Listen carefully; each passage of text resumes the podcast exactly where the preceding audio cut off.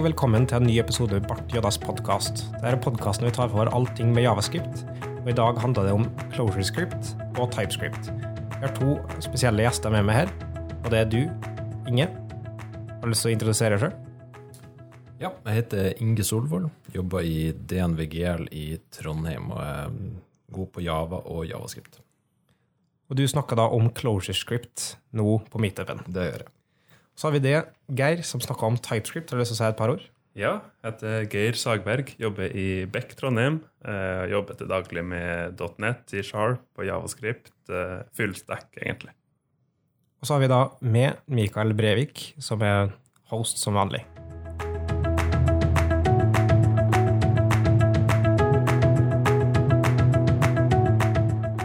Så da, Inge, eh, du var den første til å snakke på meetupen om hva ClosureScript er. Har du lyst til å ta en liten kort recap om, eh, om eh, hva det går ut på? Og, og for dem som ikke kjenner til det utover, en kort observering. oppsummering? Mm. Det er jo et litt vanskelig tema å introdusere, for det er en ganske stort sprang til sides fra Javascript. Så Closure er jo et språk, det er en LISP-dialekt som har sterkt fokus på immutability og på få abstraksjoner og veldig mange funksjoner som opererer på de abstraksjonene. Så med immutability kan vi jo forklare er da evnen til å ikke eh, endre på originalverdien til en ting, men du lager en ny verdi. På samme måte som du endrer en streng, så får du da en ny streng. Sant? Det er riktig, og det er en tankegang som er ganske fjern hvis det du har jobba med hele livet, stort sett er objektorientering. For da, da forstår du ikke hvordan det går an. Men det er da gjerne språket som hjelper deg til å få være produktiv i de miljøene. Altså Closure er vanligvis et språk som går på JVM-en med Java. Mens da ClosureScript er da et transpileringsspråk. Er, det, er det noe sånn større eh, Store forskjeller mellom Closure som et server-side-språk og et Closure Script som frontend-språk? Det er egentlig ikke så mye forskjell. Altså det, I første omgang så er det egentlig veldig likt eh, mellom de to. Det er selvfølgelig forskjeller i at uh, ClosureScript på uh, klienten har jo da selvfølgelig ikke flere tråder å operere med. Og det er en god del ting som du kan gjøre. Du kan ikke aksessere filsystemet, f.eks. Men utover det så er språkene helt like. Så det er, som med den effekten at i det siste så har de også innført eh, deling av kode, som, så at du kan skrive kode som funker både på server- og klientsida. Som du også får f.eks. i Skala JS nå. Så CloseScript blir da oversatt ned, transpilert til Javascript. Men er det noen store forskjeller mellom Javascript og CloseScript i utgangspunktet? Det er noe likhet, da. Altså Når du definerer en funksjon eller variabler, og sånn, så ser det jo strukturelt ganske likt ut. Men eh, når du først begynner å skrive CloseScript-kode, så um, er det vel et ganske stort sprang, da. Så den genererte javascript-koden eh, ja, den, den er ikke så veldig lesbar i seg sjøl. Jeg tror ikke jeg har gjort noen stor innsats for å kunne forlate ClojureScript og ta resten av javascript, på en måte. Men er det, du kan hente inn eksterne Javascript-biblioteker i tillegg, eller? Ja, det, det, det foregår utvikling der også, da, men de har jo etablert et system nå sånn at du egentlig kan bare in integrere jQuery for eksempel, som en dependency.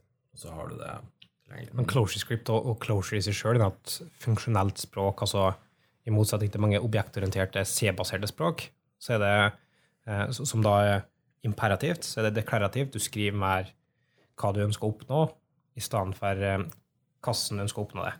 Det er sånn i grove trekk det funksjonell programmering handler om, i tillegg til sånn immutability, som du nevnte. og så videre.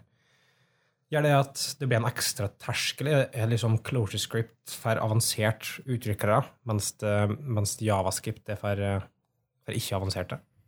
Ja, altså Klisjeen er at eh, Closure gjerne er for, for smarte utviklere som tror de er smartere enn de andre.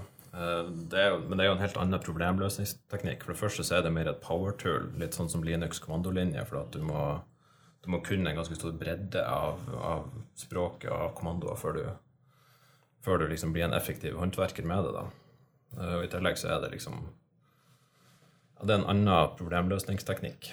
For du Istedenfor å finne ut, i stedet for å eksplisitt beskrive hvordan du looper gjennom ting, så beskriver du heller hvordan du skal plukke ut ting, hvordan du skal transformere og sette sammen osv. Jeg kan se for meg at det er kanskje mange som Altså det er mange som begynner med Javascript eh, egentlig fordi de må, eller fordi altså, det, så, det brukes overalt. Uh, men uh, kanskje folk som begynner å lære seg Closure Script, gjør det fordi de er interessert i kanskje litt mer det funksjonelle, funksjonelle paradigmet og sånn, eller hvordan tror du folk begynner med Closure og Closure Script? Altså, Jeg begynte jo egentlig med javascript fordi at jeg syntes det var spennende for det funksjonelle paradigmet. For det, du kan jo fint skrive relativt funksjonell kode i javascript. Eh, Men altså, du blir jo litt sånn forelska i ulike aspekter. Du kan være Lisp-fan. I seg sjøl er jo fascinerende. Så Lisp da er en type språk på samme måte som C-baserte språk, eller som ML-baserte, altså andre typer eh, språkgrupper.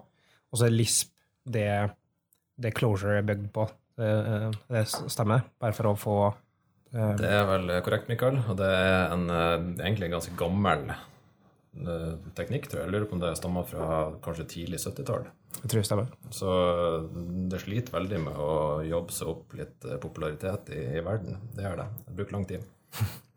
Så jeg tror det er, uten å grave altfor langt inn i den delen av diskusjonen, men jeg tror det er mye med modenheten av funksjonell programmering til eh, massene som har gjort at det nå kanskje har blitt ekstremt populært.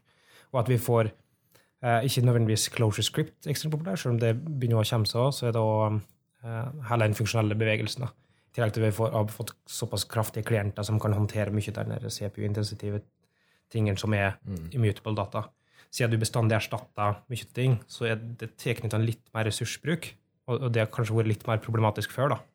Ja, det tror jeg også. Så det, men det jeg oppfatta, det jeg hørte som var liksom filosofien bak Closure, det var å Ut fra det han grunnleggeren sa, var at du skulle ha en mer sånn pragmatisk lisp.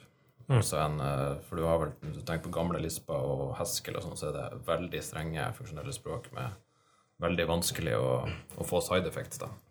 Men I Closure så har du liksom De har bygd opp en del ting sånn at du, det er lettere å gå over, da. Så du nevnte innledningsvis at um, nå f.eks. har de begynt å få til deling av biblioteker fra serverside til klientside.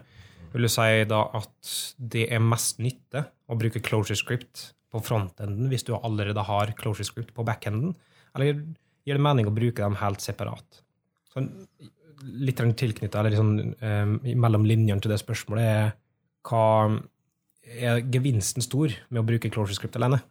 Ja, det syns jeg egentlig, for du får veldig mye fine abstraksjoner du kan skrive. For du har jo en del asynkrone prosesser også på klienten, sjøl om du har bare én tråd. Og da, da har du noen ganske kraftfulle asykrone bibliotek som lar deg skrive helt annen kode enn type promises og sånne ting. Når det gjelder deling mellom server og klient, så har jeg gjort av en veldig begrenset grad f.eks. metadata om felter og validering og den slags. Men eh, altså, jeg har sett også på Skala JS de også prøver å selge seg inn på det at du skal dele kode mellom klient og Node for så vidt også. Mm. Men jeg vet ikke helt om det Altså, jeg føler at det har vært en lovnad som har eksistert ganske lenge, eh, i hvert fall etter 2009 og Node sin frammarsj. At sånn, ja, nå kan du bruke samme koden som du kan på, på backend og på front. Men det, men det funka i aller størst grad egentlig utelukkende med sånn der validering eller domenelogikk. Mens mye mer enn det på en måte Du angriper litt problem forskjellig på server-side og eh, frontend. Så, så lurer på om det kanskje er en eh, mer interessant tanke enn en faktum. da. Det finnes bruksområder. Men eh, ja, det, for de fleste så er ikke det så veldig interessant med deling utover sånn helt tynne sånn rammeverksting. Da. Men det kommer jo mer og mer med serverside, eh, eller hva det heter, isom, isomorfisk rendring. Nå kalles det universale eh, s- eh, universalbiblioteker. Så isomorfisme var et litt for vanskelig konsept å begripe, så da kalles det universal javascript i. I hvert fall det at du kan skrive samme markup på server og klient, så at du kan ferdigrendre det fra serveren, så at du får det raskere ut. Nå skal det jo nevnes, bare sånn, når vi er inne på det, at eh, i Closure så, er det faktisk relativt vanlig nå å skrive biblioteker som fra Closure, fra open source-miljøet, som faktisk er godt brukbar både i klient og server. F.eks. validering eller stringbibliotek eller den type ting. Vi kan komme litt inn på de forskjellige bibliotekene til Closure eh, etter hvert, eller Closure Script. Men eh, jeg har lyst til å ta med litt eh, den som på mange måter kan ses som et ganske drastisk alternativ. Og det er da TypeScript, som du snakka om, Geir. Har du lyst til å ta en liten kjapp introduksjon? Det kan jeg gjøre. Mm, TypeScript er ofte kjent som javascript med typer. Eh, og det er egentlig fordi det har en syntaks for å definere, eller for å si hvilke typer variabler og sånn er, som ikke javascript har. Eh, men for å gå litt til starten, så er det Det minner kanskje litt for mange om C-sharp og kanskje også litt om Java, med, med classes og interfaces og sånn. Og det er ikke så rart, fordi det ble laga av eh, Anders Helsberg, som er lead architect for C-sharp. Og han er også ja, han er lederen for, eller hovedpersonen i TypeScript også. Um, men jeg vil kanskje i større grad sammenligne TypeScript med Babel uh, som en annen transpiler. uh, fordi de gir veldig mye av det samme, det at du kan skrive uh, eller du kan skrive nyere javascript, og så blir det transpilert ned til kode som kan kjøre på dagens browsere, enten ECMAScript 3 eller ECMAScript 5. Så um, den store forskjellen, eller den store fordelen med TypeScript versus Babel og vanlig javascript, er at uh, du fanger opp veldig mye under kompileringa. Fordi du har typing, så kan du sjekke er det riktig type du bruker. Har denne typen de feltene du prøver å bruke? Og hvis ikke, så kan du få feil når du kompilerer det, og i motsetning til i runtime, som du ellers ville ha fått. Så det føles kanskje litt mer sånn strengere hvis man er vant til den åpne, frie verden i javascript, eh, men det gir en mer sånn trygghet, da. Eh, og da er det også lettere å, gjøre, å lage verktøy, sånn som IntelliSense, som vi kjenner i, i Microsoft-verden, som gjør at du kan få opp en slags pop-up med beskrivelse. Så for, for dem som ikke nødvendigvis er, er vant med eh, Visual Studio, så er IntelliSense bare code completion, Ja. ja, som er litt mer intelligent, kan du kalle det. Ja, for den vet liksom hva du prøver å Altså, du kan få opp en liste med forskjellige kodesignaturer, altså metodesignaturer, eh, og advarsel hvis du prøver å sende inn feil argumenter. og sånn da. Så Spesielt hvis man ikke har API-dokumentasjonen foran seg, så kan man bare prøve seg fram mens man driver og skriver. Så det, man slipper liksom å hoppe og le, lese fram og tilbake i API-dokumentasjonen. Hva er det faktisk jeg kan gjøre? Så hvis vi skal um, få det unna um, først som sist Det var en liten stund der um, TypeScript fungerte som en slags uh, Altså før Babel, eller før uh, 625, som det heter på den tida, så, så ble det ofte brukt for å liksom ta, imot, ta i bruk den neste generasjons javascript.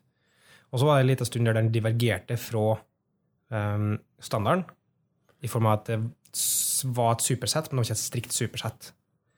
Men, men er det sånn at det er borte nå, sånn at det er et strikt supersett av javascript? Eller er det fortsatt litt divergert fra standarden? Altså Målet er, så vidt jeg har forstått, det, er å holde det så nært ECMAScript-standarden som eh, mulig, men bare med typing i tillegg. da. Eh, så den ekstra syntaksen som, uh, som finnes er, eller altså Først så var det fordi det ikke fantes noe ordentlig modulsystem i Javascript, så laga de sin egen syntaks for det, da, som så ble kompilert ned til liksom enten Common JS-moduler eller AMD-moduler. Eh, Men nå har de, altså etter det kom en ordentlig standard for moduler i Javascript, så har de gått over til den at den er den anbefalte måten å skrive eh, TypeScript på også. Så mitt inntrykk er at det er det de ønsker å gjøre. Da. De følger, ønsker å følge den standarden, eh, og ikke gjøre altfor mye på egen måte. Eh, Jeg ser jo at de språkene som vi jobber med nå, de har en tendens til å influere over mainstreamen. da. Så Er det noe tegn til at det kommer til å være noe sånn, mer sånn standard for typer javascript? De har diskutert en del i TC39. TC39 er en technical committee som står bak ECMAScript-standarden, eh, der de har nå gått over en slags årlig eh, utrulling av språkstandarden. De har um, vært mange som har snakka om å lage type hinting inn i språket. Um, sånn at jeg tror ikke du skal se så langt etter Jeg husker ikke noe om det faktisk finnes et sånn tidlig tidlig draft, et proposal ute, men uh, du skal ikke bli overraska om det kommer innen ikke så altfor lenge. Det er i hvert fall mitt, uh, uh, min spådom. Du har vel en slags type eh, hinting i JS-doc, eh, altså dokumentasjonsformatet til Javascript også. eh, Og i siste versjon av TypeScript nå så kan du bruke den Altså den forstår JS-doc og gir deg liksom intelligens og Så det er da samme som Java, den mer kjente Javadoc, bare spesifikk for Javascript. mm. Uh, Men det bringer meg litt inn på et spørsmål til som jeg har om uh, For du, du har mange andre verktøy som f.eks. kan lese i um, Yodas dock. Den kan se på objektet og returnere hva slags type ting den, altså eksempel turn Yodas, som er innebygd i Atom, det finnes vel òg i Sublime, som da kan finne på mange måter samme som uh, code completion eller intelligence med TypeScript. Så føler du at det er verdt å ta i bruk noe som TypeScript når du har alternativ som turn, eller er turn bra nok? Nå kjenner jeg ikke til turn uh, spesifikt, uh, men jeg føler det blir en litt mer sånn Altså, du har muligheten til å være veldig eksplisitt i TypeScript og si liksom nøyaktig eh, hva du forventer å få inn eh, i form av interfaces, f.eks. Uh, og du får eh, ja, kanskje ja, du får raskere tilbakemelding da, hvis du prøver å gjøre noe som det ikke er meninga at du skal gjøre. Så på godt og vondt, da. Så det er mulig at turn fungerer bedre hvis man er vant Altså, altså hvis man klarer å ha alle de begrensningene i hodet sjøl. Men så er det andre som syns det er greit å få den hjelpa. Så det hindrer deg å skyte sjøl i foten, men hindrer deg også å bruke eh, våpenet som semiautomatisk og halvautomatisk samtidig. Eh, For eksempel. Ja. Men eh, du har andre ting som ok, Si at du har turn som er automatisk finner. Så har du andre ting, andre tilnærmingsmåter på det her som ikke eh, har liksom den fulle overheaden til å være et tilleggsspråk. Da Da tenker jeg i hovedsak på Facebook sin flow, som da gir det type-hinting, men den fjerner det i, i transpileringssteget. Så det er liksom det er javascript med types. Mens TypeScript er og på mange måter eh, javascript med types og med klasser og med litt mer sånn uh, enda mer uh, Kall det C-retta uh, måte å skrive på. da. Mer imperativt, vil jeg på en måte argumentere for. Ja, Nå finnes det jo klasser i ECMAScript 6 også, eh, og dem er jo, altså TypeScript har brukt den eh, standarden som utgangspunkt. Eh, men det minner som sagt veldig mye om liksom C-sharp når du begynner med interfaces, eh, og noen nylig abstrakte klasser kan man lage. Eh, men altså, all typinga forsvinner jo når det transpileres til javascript i TypeScript. da. Så det du sitter igjen med, er vanlig javascript som som blir generert. og den, det, En av fordelene med TypeScript er at det blir generert veldig riktig javascript, og ganske egentlig pen javascript, da, sammenligna med kanskje enkelte andre transpilatorer. Mm.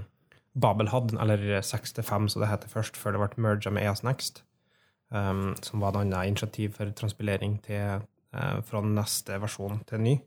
Eller til uh, fungerende. Målet til 65, i motsetning til alle de andre, um, var at det skulle være lesbart. Så outputen skulle være ES5 lesbar kode, som om nesten skulle skrive det sjøl. Mm. Men det har de da gått bort ifra nå, da. Men så du tenker, eller så, så du sier at TypeScript har fylt det gapet, i form av at de eh, tar opp den tråden, da, på en måte, eller? Ja, altså Jeg vet ikke om det er et spesifikt mål eh, for dem, men eh, sånn erfaringsmessig, da, så når jeg ser på koden som er generert, så er det veldig, veldig lett å lese. da. Mm. Eh, så da er det litt interessant hvis du har abstrakte klasser i eh, TypeScript, eller du får abstrakte klasser i, i TypeScript, sånn som du har i et klasseorientert språk. Mm. Eh, Det kan hende at du skjønner hvor jeg skal med det her, men hva da, hvordan vil det fungere semantisk sett i et språk som JavaScript, som ikke har klasser? Ja, det har en klassesyntaks, men um, JavaScript er da et prototypebasert språk, som betyr at den egentlig bare er objekter som arver objekter, i motsetning til et klassebasert språk som har på en måte blueprinten til hvordan du ønsker objekter å se ut. Så det er en sånn paradigmeforskjell her, da. Mm. Um, Så at når du bruker det med f.eks. abstrakte klasser, som egentlig ikke er en ting, hvordan føler du det oppleves i, i skrivinga? Ja, det- det? Det kan kanskje oppleves som at man ikke har lyst til å forlate den trygge verdenen med eh, objektorientert programmering. Eh, så det er ingen som tvinger deg til å bruke abstrakte klasser selv om du skriver typeskrift. og jeg, tror, jeg vet ikke om jeg kommer til å bruke det sjøl. Eh, men altså, all den tunge jobben med å faktisk eh, holde det her eh, ved å sjekke at du ikke, bruker, at du ikke instansierer abstrakte klasser, og sånn, det gjøres jo av kompilatoren. Eh, så, sånn at javascripten faktisk blir eh, riktig. Så det er der hvis du trenger det. Det er sånn jeg velger å tenke på det. Hvis du føler at det er måten du jobber best på, så kan du bruke arv og abstrakte klasser. Hvis du heller har lyst til å bruke prototype og sånn, så kan du gjøre det òg.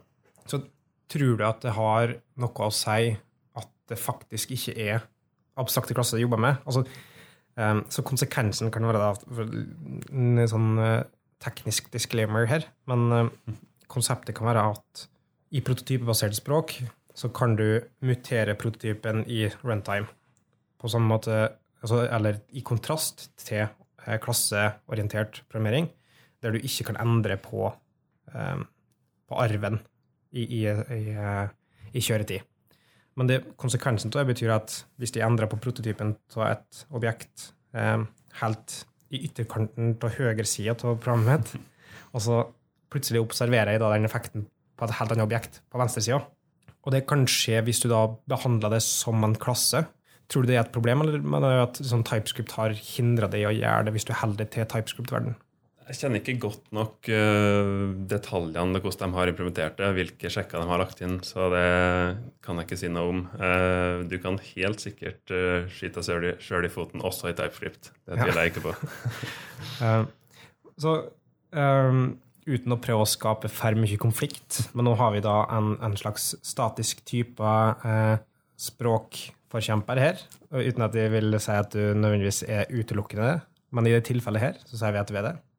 Og så har vi da en som er mer dynamisk språk og funksjonelt språk. Um, og når han da sier snakka om eh, at du kan bruke objektorientering på en måte for å, for å være trygg, eller jeg tror du brukte eh, den trygge verden til objektorientering. Jeg tror det var det du sa. Noe slikt der. Kanskje ja, ikke? I hvert fall så handler det jo om hva man kjenner til fra før, kanskje. Ja. Eh, og altså Måten man lærer nye ting, er jo at man relaterer det til det man kjenner fra før. Eh, det kan være en fordel at det er lettere å lære ting, eller det kan være en ulempe fordi det er for vanskelig faktisk å skjønne at det her er noe helt annet. Mm. Tror du det er enklere å starte med TypeScript enn ClojureScript, uh, Inge? Ja. Ja. det, det, er det vel helt opplagt. Uh, nå vet jeg ikke helt om det er noe veldig sånn sterk konflikt på typing. For også, også i sterkt funksjonelle verden så er det som kjent veldig ulike meninger om hvor, hvor statisk og sterk eller hva det heter, typinga skal være. Mm. Og, ja. du, du, har da i aller høyeste grad funksjonelle språk med, med typer. Altså eh, det, det, strikteste funksjonelle språket, vil mange påstå, som Haskell, har nå da ganske klare typer type er et sentralt konsept i funksjonelle språk, men i closure så er ikke typer det en nødvendigvis ting. Du har type hinting, så vidt jeg har forstått. Ja, i closure så er det relativt Du får mer hjelp av kompilatoren enn du får i Javascript. Det får du. For det, funksjonene har jo faktisk signaturer. Hvis du sender inn helt feile ting, så, så går jo ikke det. Men så har du det, det, er veldig mye closure som er biblioteksbasert. sånn at Du, du har veldig lite rammeverk. sånn at Det, det finnes en god del biblioteker for gradvis typing. Du har noe som heter Prismatic Schema, som er da en, en bibliotek for å, å, definere for du, I Closure definerer du gjerne maps istedenfor objekter. Du bruker maps og lister. Og da har du selvfølgelig en ganske uklar struktur på det. Det er vanskelig å vite hva som er i den mappen før du får den. Så for dem som er da mer vant med javascript, så er en map det er slags, eh, et slags objekt. Altså en hash-map er en type map, bare der du har keyene dine hasha, eller? Det er et objekt, egentlig. Det er nesten det samme som et javascript-objekt. Ja, eller en dictionary i, i mange språk. Mm. Ja, så Du kan egentlig se på det som Det, det kunne funka i Javascript også, at når du har en funksjon som tar imot et objekt eller map, så har du da en liten assert som beskytter den funksjonen, og så sier at jeg vil ha et følgende format. Så, og verdt å nevne at ES6 får maps og sets i innebygd i språket, i tillegg til weak maps og weak sets. Eh, så tar vi en liten pause, og så etter pause så tenkte vi kunne snakke litt om transpileringsspråk generelt, og muligens eh, forskjellige fordeler med grensesnittprogrammering med, med både ClojureScript og, og TypeScript.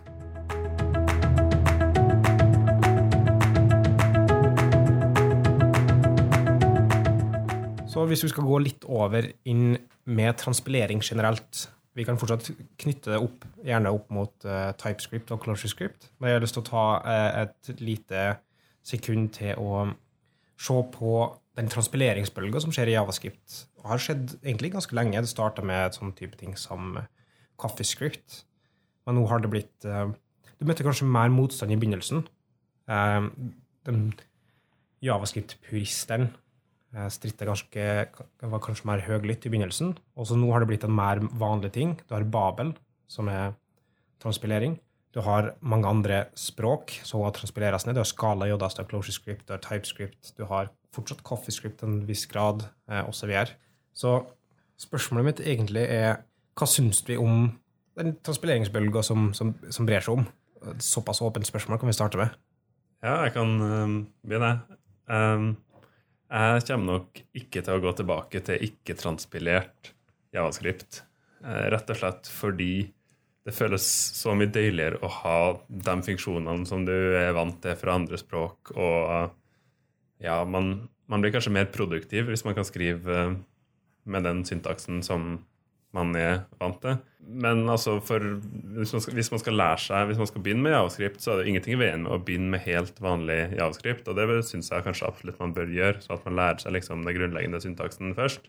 Eh, men jeg tror ikke at eh, nettleser, nettleserne kommer til å klare å holde seg oppdatert nok da, i forhold til den utviklinga som skjer i javascript-språket. Altså, selv om standarden ECMAScript 6 har vært uh, ute en stund nå, så henger det fremdeles igjen i ja, spesielt kanskje Internet Explorer, da. Eh, men også flere andre browsere som ikke har implementert hele eh, spekken. Eh, og da for å unngå å være nødt til å ha den mentale overheaden av hva er det som er støtta i de nettleserne som jeg skal støtte, så er det en liten pris å betale å ha et eget sånn, transpileringssteg, da, mener jeg. Så det, så det er um, da den next-versjonen, transpilering, altså den framtidige versjonen av spekken. Og så, kan vi for så vidt etter hvert se på litt sånne forskjellige eh, stage av den spekken òg, men, men, hva med da andre språk til javascript? Sånn som f.eks. ClojureScript. Uh, TypeScript ikke i like stor grad sier det er et mer som supersett til javascript. Mm. Um, men ClojureScript er et helt annet språk, et helt annet paradigme å skrive i. Du tar på en måte litt utgangspunkt i en eksisterende miljø, og så, så uh, tar du det inn i, um, til noe som blir javascript. Syns du at um, det er helt OK? Er det liksom en grei ting? Ja, det syns jeg jo opplagt. Men jeg vet ikke om jeg har reflektert så veldig mye over eh, om det, om det er greit eller ikke. Altså, det jeg vel opplever som utvikler i hverdagen, det er at det er entusiasme og det å ha det gøy. Det har utrolig mye å si for at du faktisk gidder å gjøre en innsats på jobb. da. Og det er kanskje det også preger det, for det finnes jo ikke noe rette svar. Altså, det det masse skalaentusiaster der ute. Jeg er jo ikke en av dem, men de påstår jo at de er kjempeproduktive. Mm. Og de vil jo sikkert elske Skala JS. Og vi har jo samme problem på JVM, men det er jo at det Utviklinga var veldig tregt. Det kom jo Lambdas etter fem år eller noe sånt. Ja. Og når den kom, så var det jo allerede for seint. Da har vi jo hatt eh, funksjonelle språk i flere år.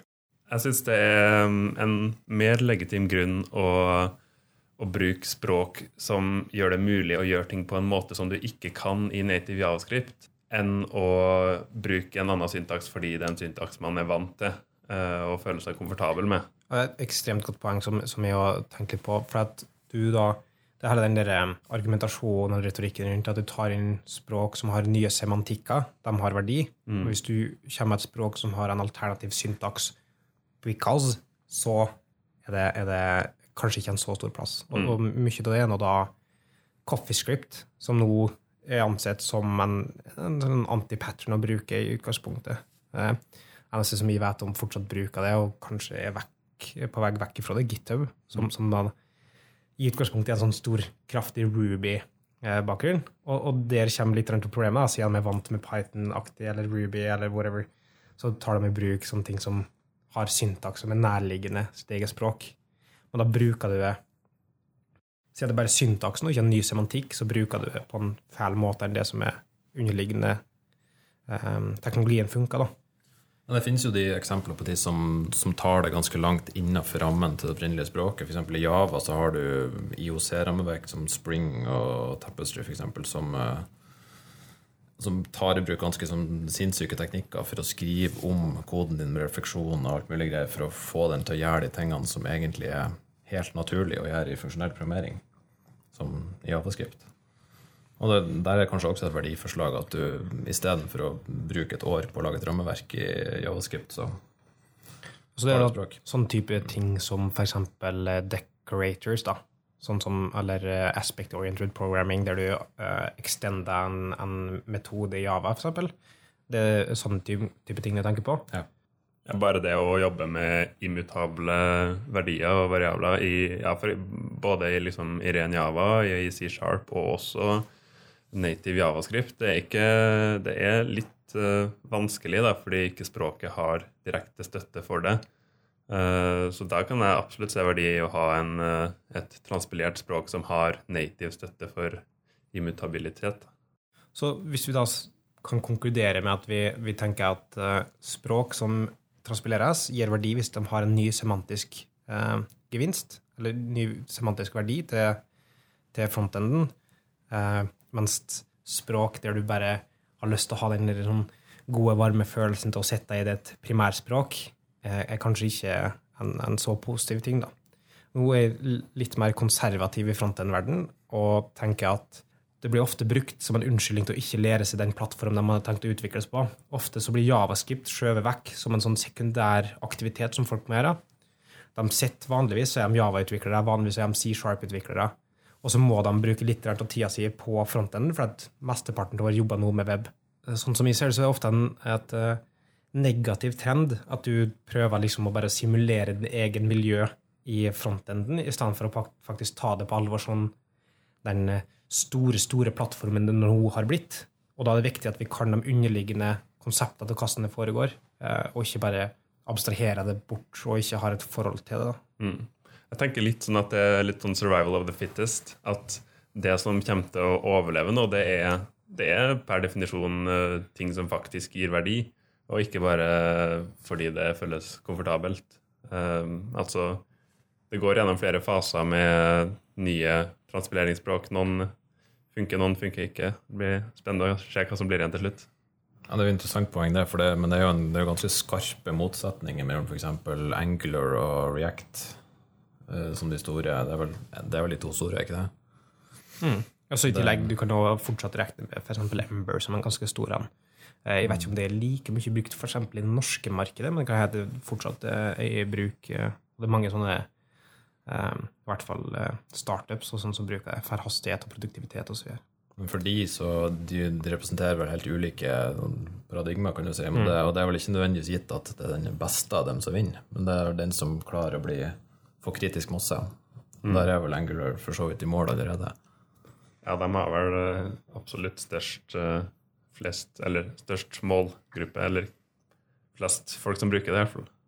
Mm. Så kjempebra jobba, i form av at nå har vi kommet egentlig inn på det neste temaet som vi skulle ønske uh, vi snakka litt om. Og det er bruk av transpileringsspråk, eller bruk av ClojureScript og TypeScript i uh, eh, UI-programmering. Uh, eh, og da primært Det blir litt naturlig å gå inn på den der um, Angular og React-tankegangen. For React er en mer funksjonell stil å lage grensesnitt på, mens Angular ikke er i samme grad like funksjonelt. Det finnes mange bibliotek i ClojureScript som rapper React. Du kan nå forklare litt om dem, Inge? Ja, eh, det er det største rammeverket, eller bibliotek, kanskje, jeg heter OM.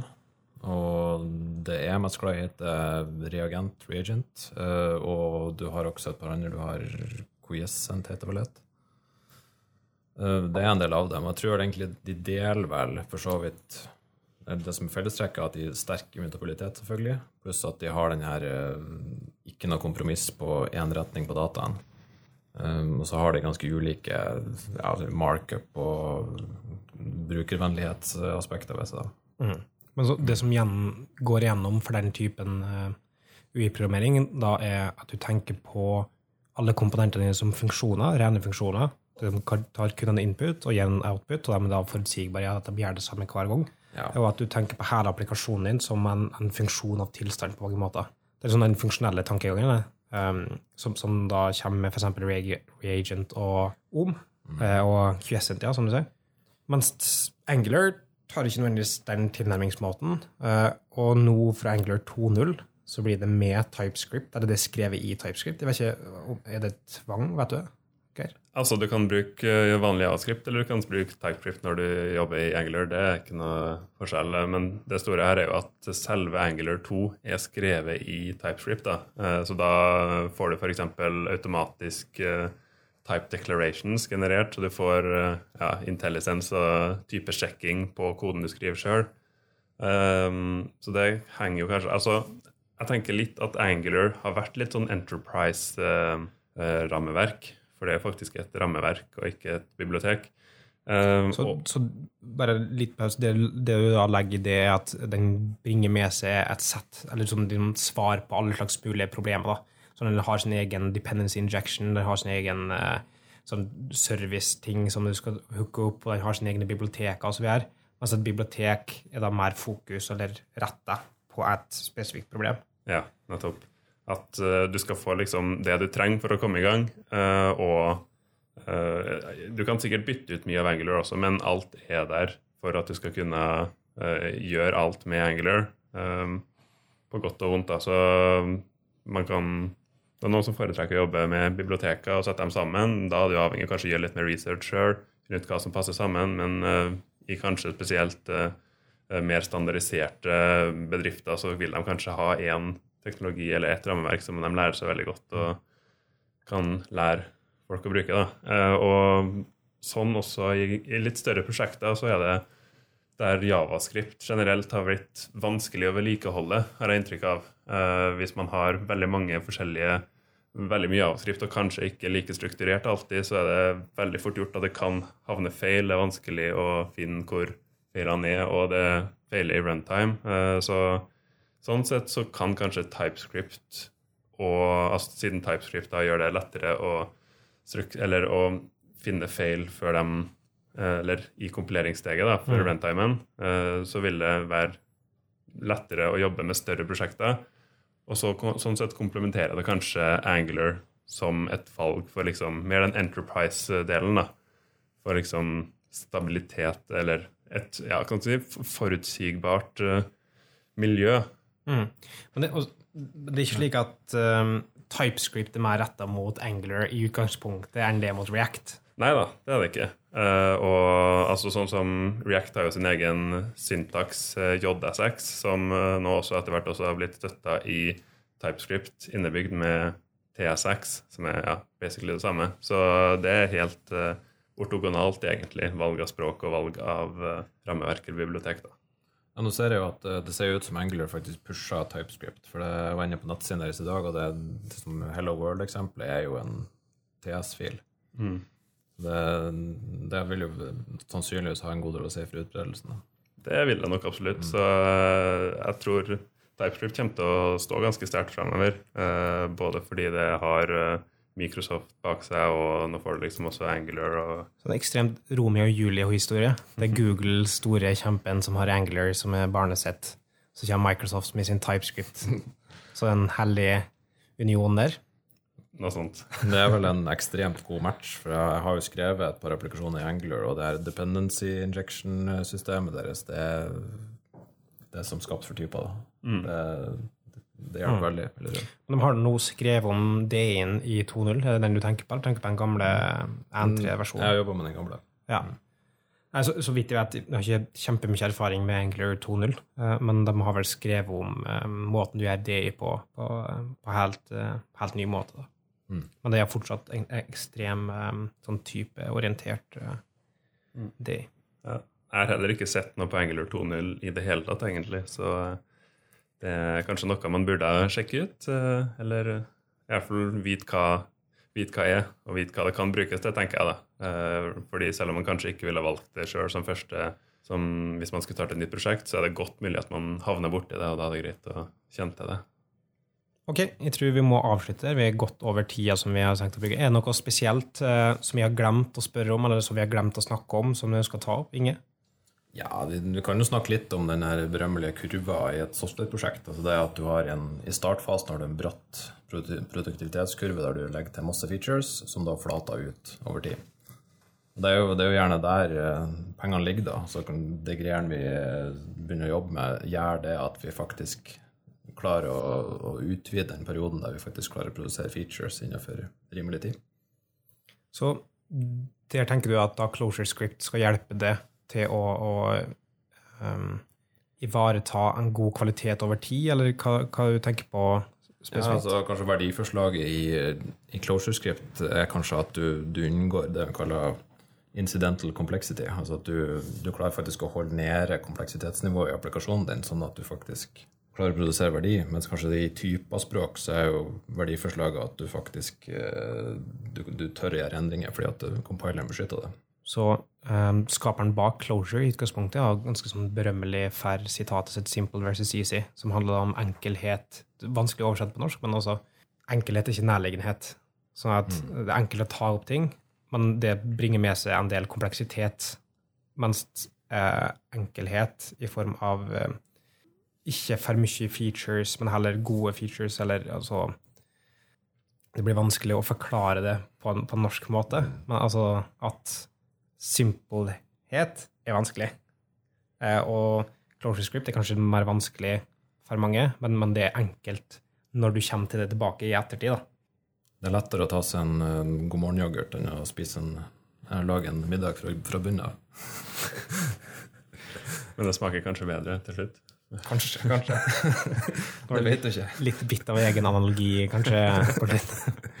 er det noe spesielt vi har glemt å snakke om eh, fra ditt ståsted, Geir?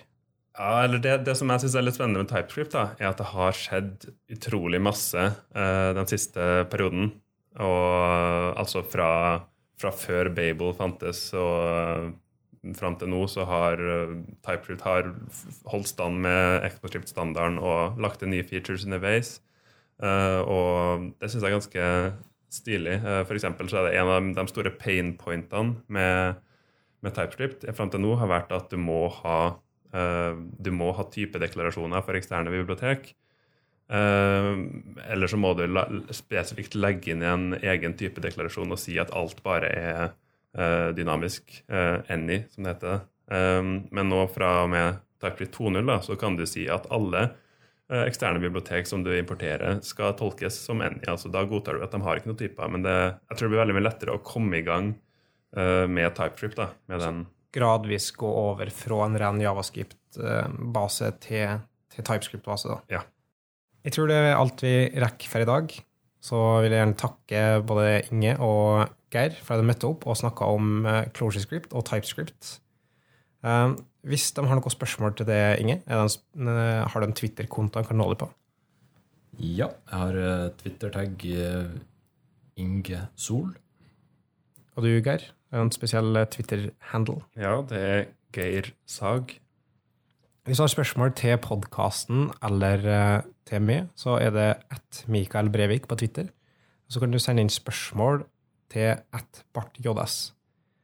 Hvis du har forslag til et tema som du ønsker å snakke på meetupen, så kan du gå på github.com slash bartjs.